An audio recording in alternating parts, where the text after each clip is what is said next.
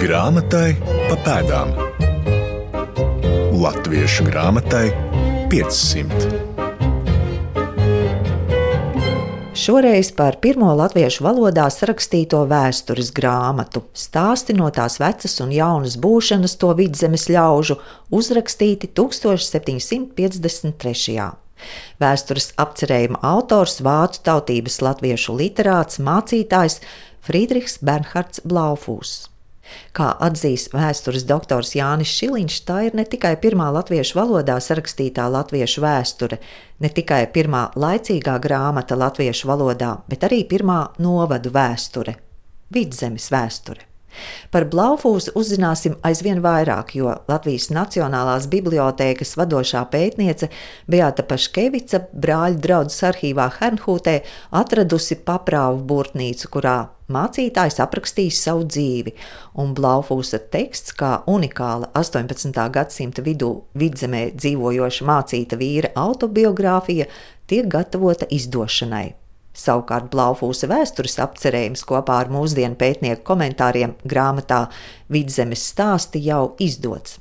Nedrīkstam arī noklusēt, ka pētnieku vidū valda dažādi uzskati, kas īsti ir vidzemes stāstu autors.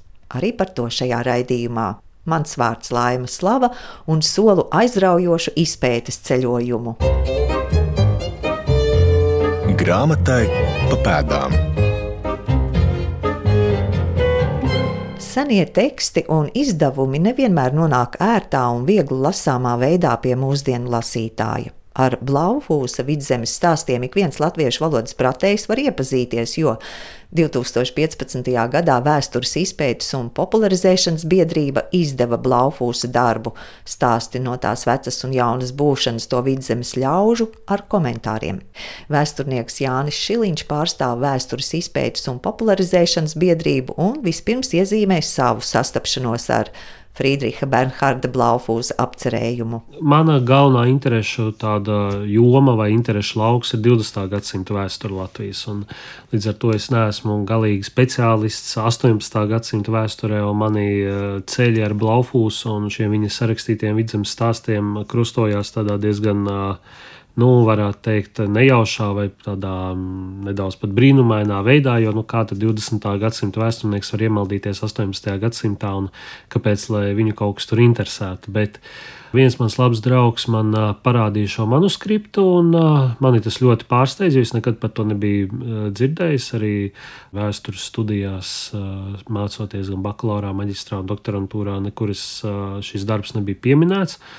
Un man izbrīnīja tāds fakts, ka esot uh, latviešu valodā sarakstīta latviešu tautas vēsture 18. gadsimta vidū, jo man līdzīgi droši vien kā lielākajai daļai Latvijas iedzīvotāji, vai nu, vismaz tiem, kas interesējas par vēsturi, tas latviešu vēstures stāsts pirmsākumi saistās ar 19. gadsimtu ar jaunatviešiem, kuri sāk interesēties par, par mūsu vēsturi un tad sāk latviešu kaut ko rakstīt par mūsu pagātni.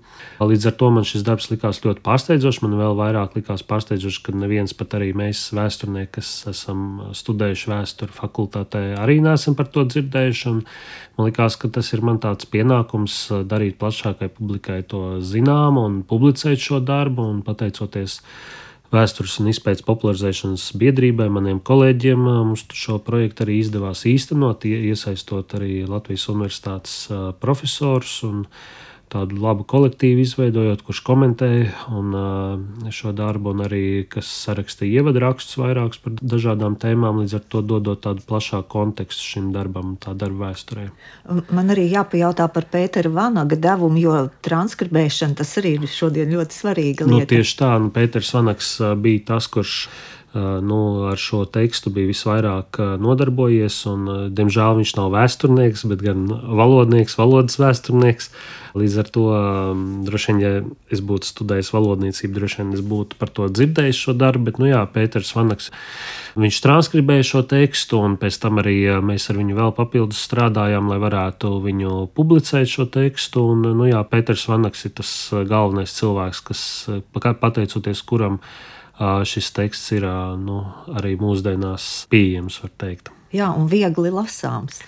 Jā, tas arī bija viens no maniem pārsteigumiem, jo, nu, kā jau minēju, 20. gadsimta vēsturnieks un dažkārt arī 20. gadsimta sākuma rokrakstos rakstīto nevienmēr var salasīt. Tāpēc man ļoti patiesībā pārsteidz tas, kad es paņēmu šo manuskriptu, kurš glabājas Latvijas Universitātes akadēmiskās bibliotekas, nu, misiņu bibliotekas retumos. Nu, es lasu un es saprotu, un es domāju, kā tad tā 18. gadsimts, tā kā liels laiks ir pagājis, bet arī mūsdienās jebkurš kurš latviešu valodu pārvaldošs cilvēks viņu var izlasīt un saprast. Un, uh, tāpēc mēs sapratām, ka viņš ir arī jāatveido faksimilā, lai katrs arī lasītājs var uh, redzēt ne tikai šo transkripciju mūsdienu formā, bet arī redzēt oriģinālu, kāds tas uh, manuskripts oriģināli izskatās. Nevaram parādīt, bet varam ieklausīties. Ieskatām neliels fragments no Blaufūsa vidzemes vēstures apcerējuma. Atklājam tekstus! Kad nu vaicāts top, no kurienes tie vidzemes ļaudis ceļās, tad neir liedzams, ka viņi no pirmā iesākuma no Javeta pēcnākamiem ceļās. Bet no kādas dzimtes viņu tēvi pēclaikos nāk un kas tie priekš tūkstošiem gadiem bijuši, tad gan netop no visiem vienādi teikts un parādīts. Tādas ziņas un zīmes tomēr ir, kas rāda, ka tie latvieši no tiem pašiem Tēviem ceļās, no kuriem tie krievi, poļi, bēmji un vendenieši nāk. Kā tas arī pie viņu valodas, protams, jo tiem latviešiem ir savā valodā daudz tādi vārdi, kas tiem tagadiņu minētiem ļaudīm savā valodā ir. Tas liekas tā, ka viņi no Makleburgeru jeb Prūšu zemes no citiem ļaudīm izdzīti, šai zemē ienākuši, kurā viņi savrup dzīvodami, mierā palikuši un vairodamies šī zemē ir izplatījušies. Bet tiem vāciešiem un citiem ļaudīm, kas tālu no viņiem dzīvoja, bija viņi visai nezināmi, it kā viņi nebūtu pasaulē bijuši no vēsturnieka skatu punkta, tas, kā Blaufūs apraksta vēsturi, tā struktūra, vai tas arī jums bija atklājums, kaut kas jauns, kā viņš to veido? Nu jā, mēs varbūt arī esam pieraduši vairāk pie, nu, ja tādus senākos gadsimtos skatāmies, piemēram, kas nāk no viduslaikiem, šī vēstures rakstīšanas maniera, tā ir kronika, kur, piemēram, nu, mēs zinām Indriča kroniku, kur pa gadiem ir pastāstīts, kas konkrēti notiek šajā gadā un tā tālāk tad šeit, šī darbā, mēs redzam jau visai modernu pieeju vēsturē, ka balstoties uz dažādu avotu analīzi, jo viņš Balfūs raksta, ka viņš ir izmantojis dažādus vecus rakstus, un tātad salīdzinājis un meklējis, kurš ir patiesāks un, un kas būtu pareizāk, kur informācija, un balstoties uz šo dažādo rakstu analīzi, viņš arī veido šo vēstures stāstu, kurš nav stingri chronoloģisks, viņš ir vairāk tāds tematisks par dažādām tēmām. Tur ir gan par latviešu etnoģenēzi, viņa tāda interesanta versija, kā latvieši cēlušies, par dažādiem notikumiem, dažādām tēmām. Nu, protams, chronoloģiski kopumā, bet tā, tā nav kronika. Tas nav, ka tajā gadā notiek tas un tas, tagad ejam pie nākamā gada un tā. Tas ir tāds saistošs stāstījums. Ļoti līdzīgs tam, kā mūsdienās mēs vēsturi rakstām, Man tas bija diezgan liels pārsteigums, ka tā ir diezgan moderna vēsture, jo viņš arī sako šiem tā laika vēstures tādiem rakstītāju tādiem paraugiem, kā vēstures zinātne to laiku vēl nebija uh, radīta un uh, nepastāvēja. Tas ir vairāk jau tā 19. gadsimts, kad vēstures zinātne, akadēmiskā vēsture tādā mūsdienu izpratnē rodas, bet tas jau ir tuvu tam. Tā ir tā rakstīšanas maniera un avotu analīze, kas ir vēlāk, uh, ko mēs lielā mērā arī redzam gan stipri, protams, attīstītāku šajā vēstures zinātnē, kas attīstās 19. gadsimtā. Bet Atšķirības arī, protams, ir. Nu, piemēram, mums ir tā vēstures filozofija atšķirīga. Viņš uz pasauli skatās tīri, nu, kā arī mācītājs būdams, no tādām kristocentriskām pozīcijām, noliekot ticību un Jēzus Kristus vēstures procesu centrā un skaidrojot vēsturi caur to. Un vēl, protams, arī kas ir uzkrītoši, arī ka mūsdienās mēs nedarām, ka viņš tā diezgan didaktiski to viņš meklē diezgan burtiski tās mācības vēsturē un tad mēģina tā kā vēsturi izmantot tādā pamācošā veidā, varbūt, ko mēs varbūt drīz atkal atgriezīsimies, skatoties, kādas mums izglītības sistēmā notiek reformas un ka mums ir caur vēsturi jāmāca vērtības. Nu, tad viņš arī caur, varbūt, ka viņš ir apsteidzis savu laiku šādu pieeju, ka nu, stāstīt par tām pamatvērtībām, kas viņa prāt pasaulē pastāv un caur šiem vēstures stāstiem izglītot cilvēkus par to. Izpētes augsta. Friedrichs Bernhards Blaufūs nāk no Tīringenes dienvidu daļas, kur skatam paveras skaista ainava ar kalniem, dzimis Frauenbraitungā, kantora ģimenē, viņa tēvs ir skolotājs, māca arī dziedāšanu. Friedrichs nonāk Latīņu skolā, seko gadi Gotes ģimnāzijā, tad teoloģijas studijas Halles universitātē. 1726. gadā ieradies vidzemē un bijis viens no mājmācītājiem Magdalēnai Elizabetei von Hallertei piedarošajā Valmiera mūžā. Beata Paškevica Blaufūs vārdu minēja jau raidījumā par hernhūtisma aizsākumiem vidzemē. Nu pat pētniece atgriezusies no Hernhūtes, kur strādājusi arhīvā. Friedrichs Bernhards Blaufūs bija Magdalēnas Elizabetes von Hallards mājmācītājs. Gan jāsaka, viens no mājmācītājiem, jo viņiem neizveidojās labas attiecības. Hallards nebija mierā ar viņas prediķošanu, bet pēc tam šī draudzība viņiem turpinājās. Un mums tagad arī ir pierādījumi, nu pat atvesti no Hernhūtas arhīva, ka arī Blaufūs jutās piederīgs brāļu draudzē, un tad, kad viņš viņš rakstīja vācu brāļiem, viņš tos uzrunāja kā brāļi, mīļie brāļi un jūsu biedrs vai jūsu dalībnieks. Jūs esat pabijusi Hernhūtes uh, brāļu draugas arhīvā un nevienu reizi vien. Ko tur var atrast par Blaufus un vai var atrast?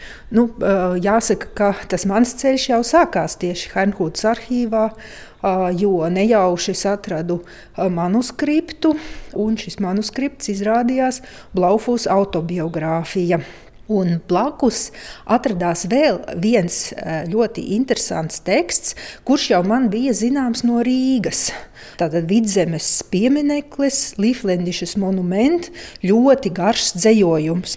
Par dzējojumu vidzemes piemineklis Beata Paškevica dalījās ar klausītājiem Latvijas Nacionālās bibliotēkas rīkotajā sarunā Blaufūs, pirmais latviešu vēstures stāstnieks. Šis zejolis stāsta par vidzemes vēsturi, nu, sākot no Johana Fischera, no Bībeles tulkošanas, no pirmo skolu rašanās un koncentrējās uz um, Hanhūtiešu tās misijas notikumiem 730. gadu beigās un 40. gadu sākumā. Un tas viss ļoti tādās uh, svinīgās vārsmās, kur uh, latviešu zemnieces ir Marijas Magdalēnas un ir caķeji un ir Nikodēmi, savukārt eh, vīrieši, latviešu zemnieki.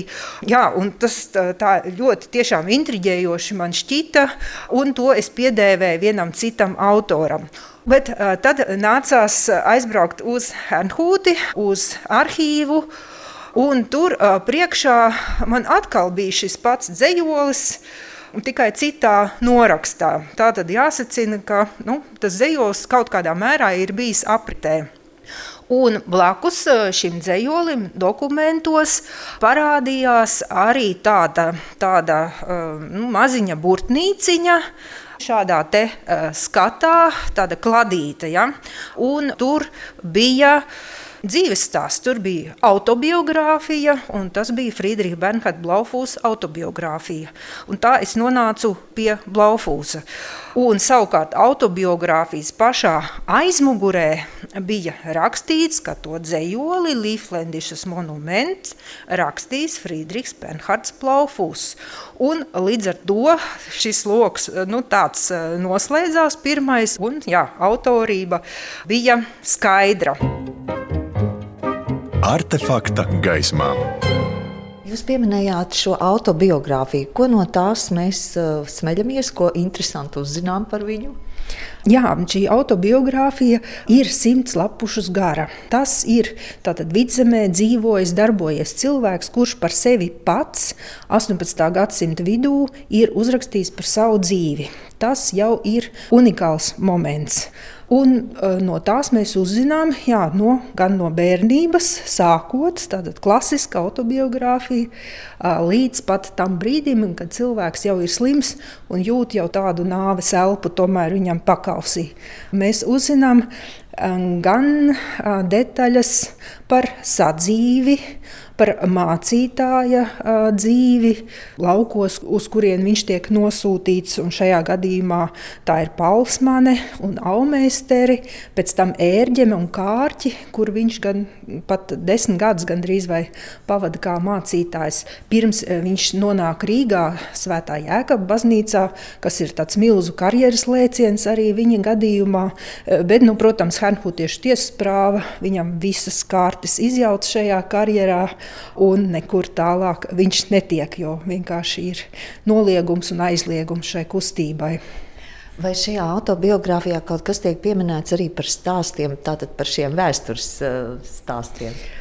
Jā, nu šī ir tā lielā vilšanās, jo autobiogrāfija ir rakstīta 1752. gadā, un visi šie teksti top ļoti īsā laika periodā, 753. gadā. Tad Blaufus vēl nezināja, ka viņam tiks dāvāts laiks, lai uzrakstītu šos tekstus. Jo mēs šeit mēs runājam gan par vidzemes stāstiem, gan par šo gardzējojumu, vidzemes piemineklis, gan arī par vairākiem tekstiem latviešu valodā, kuri vēl ir pētāmi.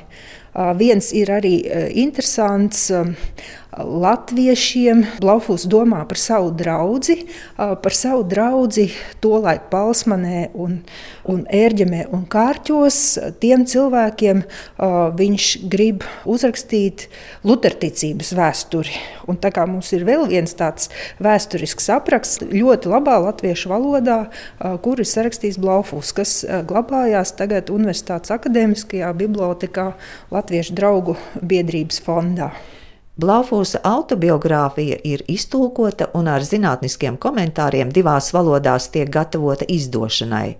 Beata Paškevics uzsver, ka jebkura mācītāja autobiogrāfijā tajā daudz runāts par garīgo dzīvi. Runa ir par garīgo klāšanos, par vēseles dzīvi, par šaubām, par ticību, neticību. Tiek minēts arī tāds vārds kā ateisms, ar kuru mācītājiem ir jācīnās sevī. Un tātad arī šis pietista dzīves ceļš par modināšanas piedzīvojumu, kurš Blaufus gadījumā ļoti skaisti tiek aprakstīts, jo tas ir kāds ļoti jauks vakars viņa ģimnāzista laikā kad viņš stāv uz balkona un klausās ielu muzikantus, un redz šīs debesis un to milzīgo um, dabas skaistumu un iedomājas par dievu varenību. To viņš identificē kā savu modināšanas piedzīvojumu. Jā, bet uh, nedaudz varēs arī uzzināt par cilvēkiem, kas ir bijuši Blaufūsam apkārt, un arī par sadzīves apstākļiem mācītāja dzīvē. Un arī detaļas, protams, par henkūtiešu vēsturi.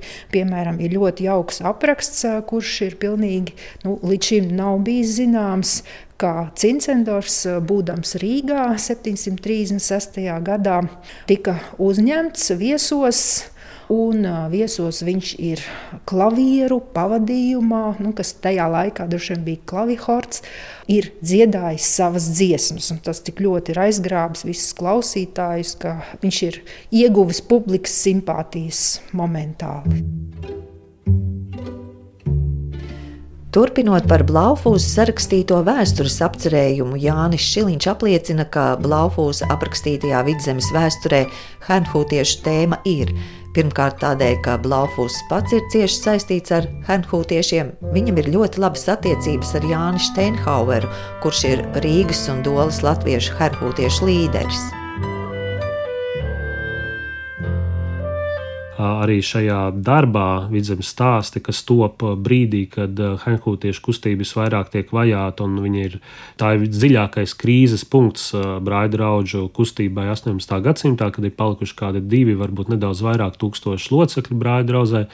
Tad viņš, lai gan tieši vārdā nenosauc, viņš diezgan lielu daļu veselu nodaļu velta tieši šīs kustības, teiksim, tā apoloģētikai. Viņš stāsta, nu kas tad nezina, kas ir noticis 1738. un 39. gadā. Un, protams, ka mūsdienās daudz cilvēku nezina, bet tiem tā laika cilvēkiem tas bija acīm redzams, saprotams, ka viņš runā par šo brāļu draugu lielu atmodas laiku un, un šo kustību, un viņš stāsta, cik tā ir patiesībā bijusi laba un tā tālāk. Bet, nu, tā kā šī kustība bija to laiku aizliegta Krievijas impērijā, tad viņš nevar tā ļoti atklāti par to runāt. Viņš tā kā vairāk caur rindām vai aplinkus vai nenosaucot konkrēti vārdā par to runāt. Tā, tas ir konteksts, brāļu draugu konteksts, un arī nu, mēs pieņemam, arī, ka šis darbs tika lasīts brāļu draugu šajās sajiešanās.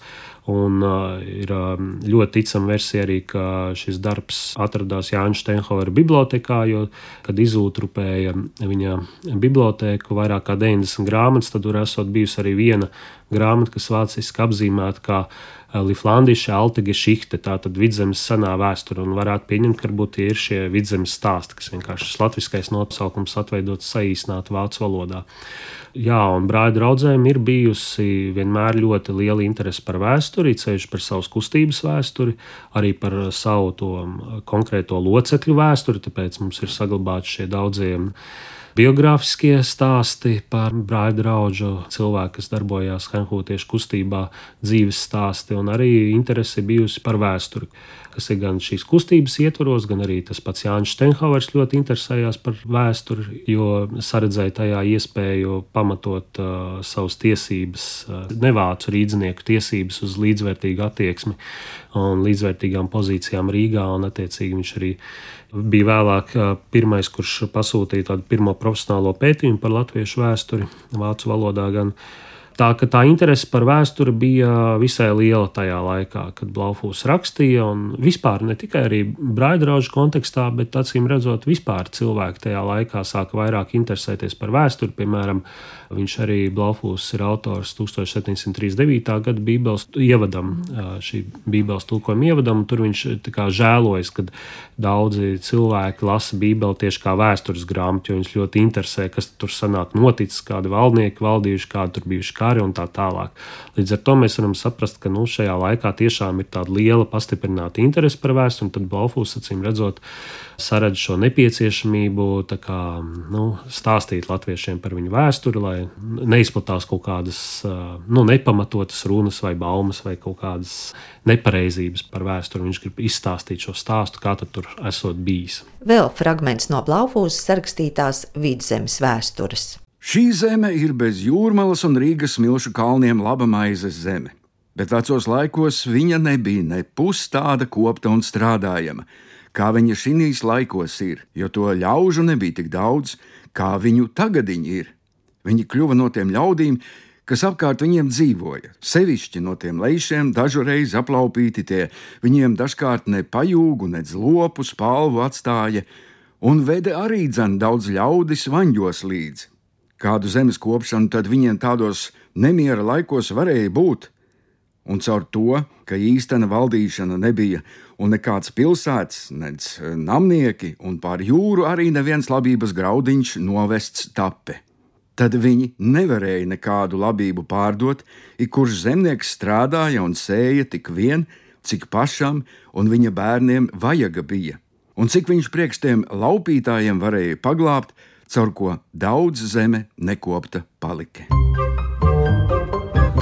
Un rakstot to latviešu valodā, tad uh, arī tas lasītājs ir latvietis. Nu, acīm redzot, mēs ļoti maz eh, zinām, nu, mēs faktiski neko nezinām par šīs grāmatas mērķa auditoriju un cik uh, eksemplāri bijuši. Tie ir tikai tādi minējumi. Nu, tie minējumi ir tādi, ka acīm redzot, šo darbu lasīja brāļa draugu sajiešanās, tātad latviešu zemnieki, acīm redzot, tika pārrakstīts droši vien vairākos eksemplāros. Rokrakstā un šī, šis darbs cirkulēja latviešu zemnieku vidū, bet nu, kāda bija tā izplatība un cik to kopiju bija norakstu un cik plaša auditorija tika aptverta, to mēs nezinām. Bet nu, šī darba sākumā mēs redzam, ka nu, viņš ir vērsts uz latviešu lasītāju. Šis darbs nekad nav parādījies iespiestā formā un ir izplatīts tikai rokrakstā, kā laba tiesa brāļu draudzes literatūras šai laikā. Jādomā, ir bijuši vairāki noraksti, spriež kultūra vēsturnieks Jānis Krēsliņš, juniors, kurš arī iedziļinājies Blaufūs personībā. Ar Beatu Paškevicu aplūkojam norakstu, kas veikts ļoti glītā rokrakstā. Jā, tas ir ļoti skaisti, glīti pārakstīts darbs. Jā, droši vien, ka 19. gadsimta kaut kur sākums. Iespējams, ka šis vēstures Pirmraksts ir glabājies pie Gustavs Bergmaņa, pie mācītāja, jo viņš interesējās par seniem rokrakstiem un vāca šādus materiālus. Tas ir iespējams, bet šobrīd tā ir nedaudz arī spekulācija. Un kādas ir jūsu domas par to autorību, ja ir reiz šādas diskusijas par Jakobu Langi vai varbūt abi kopā? Um, es pieņemu, ka tas ir Blaufūs, jo Netieši pierādījums tam ir dzējols, šis vidzemes piemineklis, kur notikumi tādā pat garā, tādā pašā secībā tiek izklāstīti arī šajā dzējojumā. Un šis dzējojums ir neapstrīdami Blaufūs, jo Rīgā glabājās Blaufūs manuskripts, Un Hernhuds arhīvā glabājās noraksts, kas ir vēlāks noraksts, šī paša dzējoļa noraksts. Tā kā kaut ko līdzīgu mums ir jāpieņem arī par šiem vidzemes stāstiem, ka, protams, bija oriģināla manuskripts, un pēc tam radās arī vairāki noraksti, jo iespējams, ka draudzē tas tika lasīts fragmentā, vai arī viss tika nolasīts kādā brīdī, jo patiešām par vēsturi tika diskutēts, lai arī cik daudz tas mūs neizbrīnītu. Viens noraksts, ap kuru vijas leģendas un pētnieku versijas, vai Blaufus ir pirmās latviešu valodā sarakstītās vēstures autors. Šo jautājumu skārām raidījumā par Jākobu Langi un sarunā ar literatūras zinātnieci Māru Gruduli pieskārāmies arī vidzemes stāstu autorībai. Ja mēs skatāmies uz šo latviešu vēstures stāstu, tad mēs atrodam tur iekļauts idejas, kas ir ļoti raksturīgas Langes, bet ne Blaufūs interešu lokam kaut vai latviešu mitoloģijas aprakstus. Jau minēja, ka ir minētas mitoloģiskās dievības Langas vārnīcā, un arī parādās šajā manuskriptā pie tam tās pašas. Tas apraksts arī ļoti līdzīgs. Tas ir viens, tad es minēju Langas atskatu uz latviešu tautas vēsturi. Arī tas sadalījums pa periodiem atbilst tam, ko mēs atrodam Langas vārnīcā un tad arī interesi par dzēju.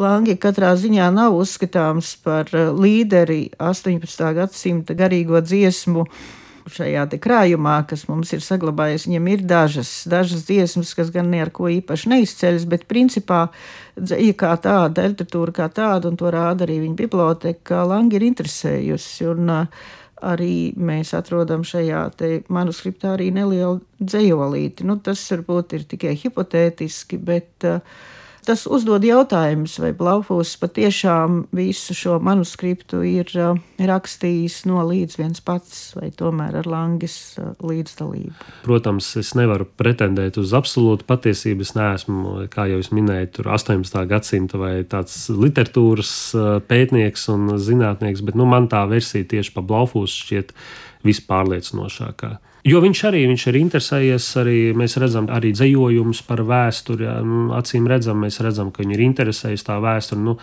var jau būt, ka viņš ir kopīgi to rakstījis ar to pašu Langi, vai varbūt nu, mana tā versija, tomēr es uzskatu, ka tas ir Blaufūs darbs. Es piekrītu tai populārākajai versijai. Grāmatai pa pēdām. Pagaidām paliekam pie populārās versijas, ka stāsti no tās vecas un jaunas būšanas to vidzemes ļaužu ir Blaufūs sarakstīti. Vēl par pašu Blaufūsu kā pētnieku un cilvēku. Protams, viņš dzīvoja ar savu draugu kopā, viņš bija arī skolmeistars, viņš mācīja bērnus. Tas, kā jau kārtīgam mācītājam pienākās, Bet tajā laikā kļuva zināms par Indriča kroniku. Un, protams, nenoliedzami, ka Blaufus ir zinājis Indriča kroniku un savu tekstu arī veidojis uz tās pamata. Tas ir laiks, kad vispār radās tāda pirmā arī zinātniskā interese par tieši latviešu teritorijas vēsturi.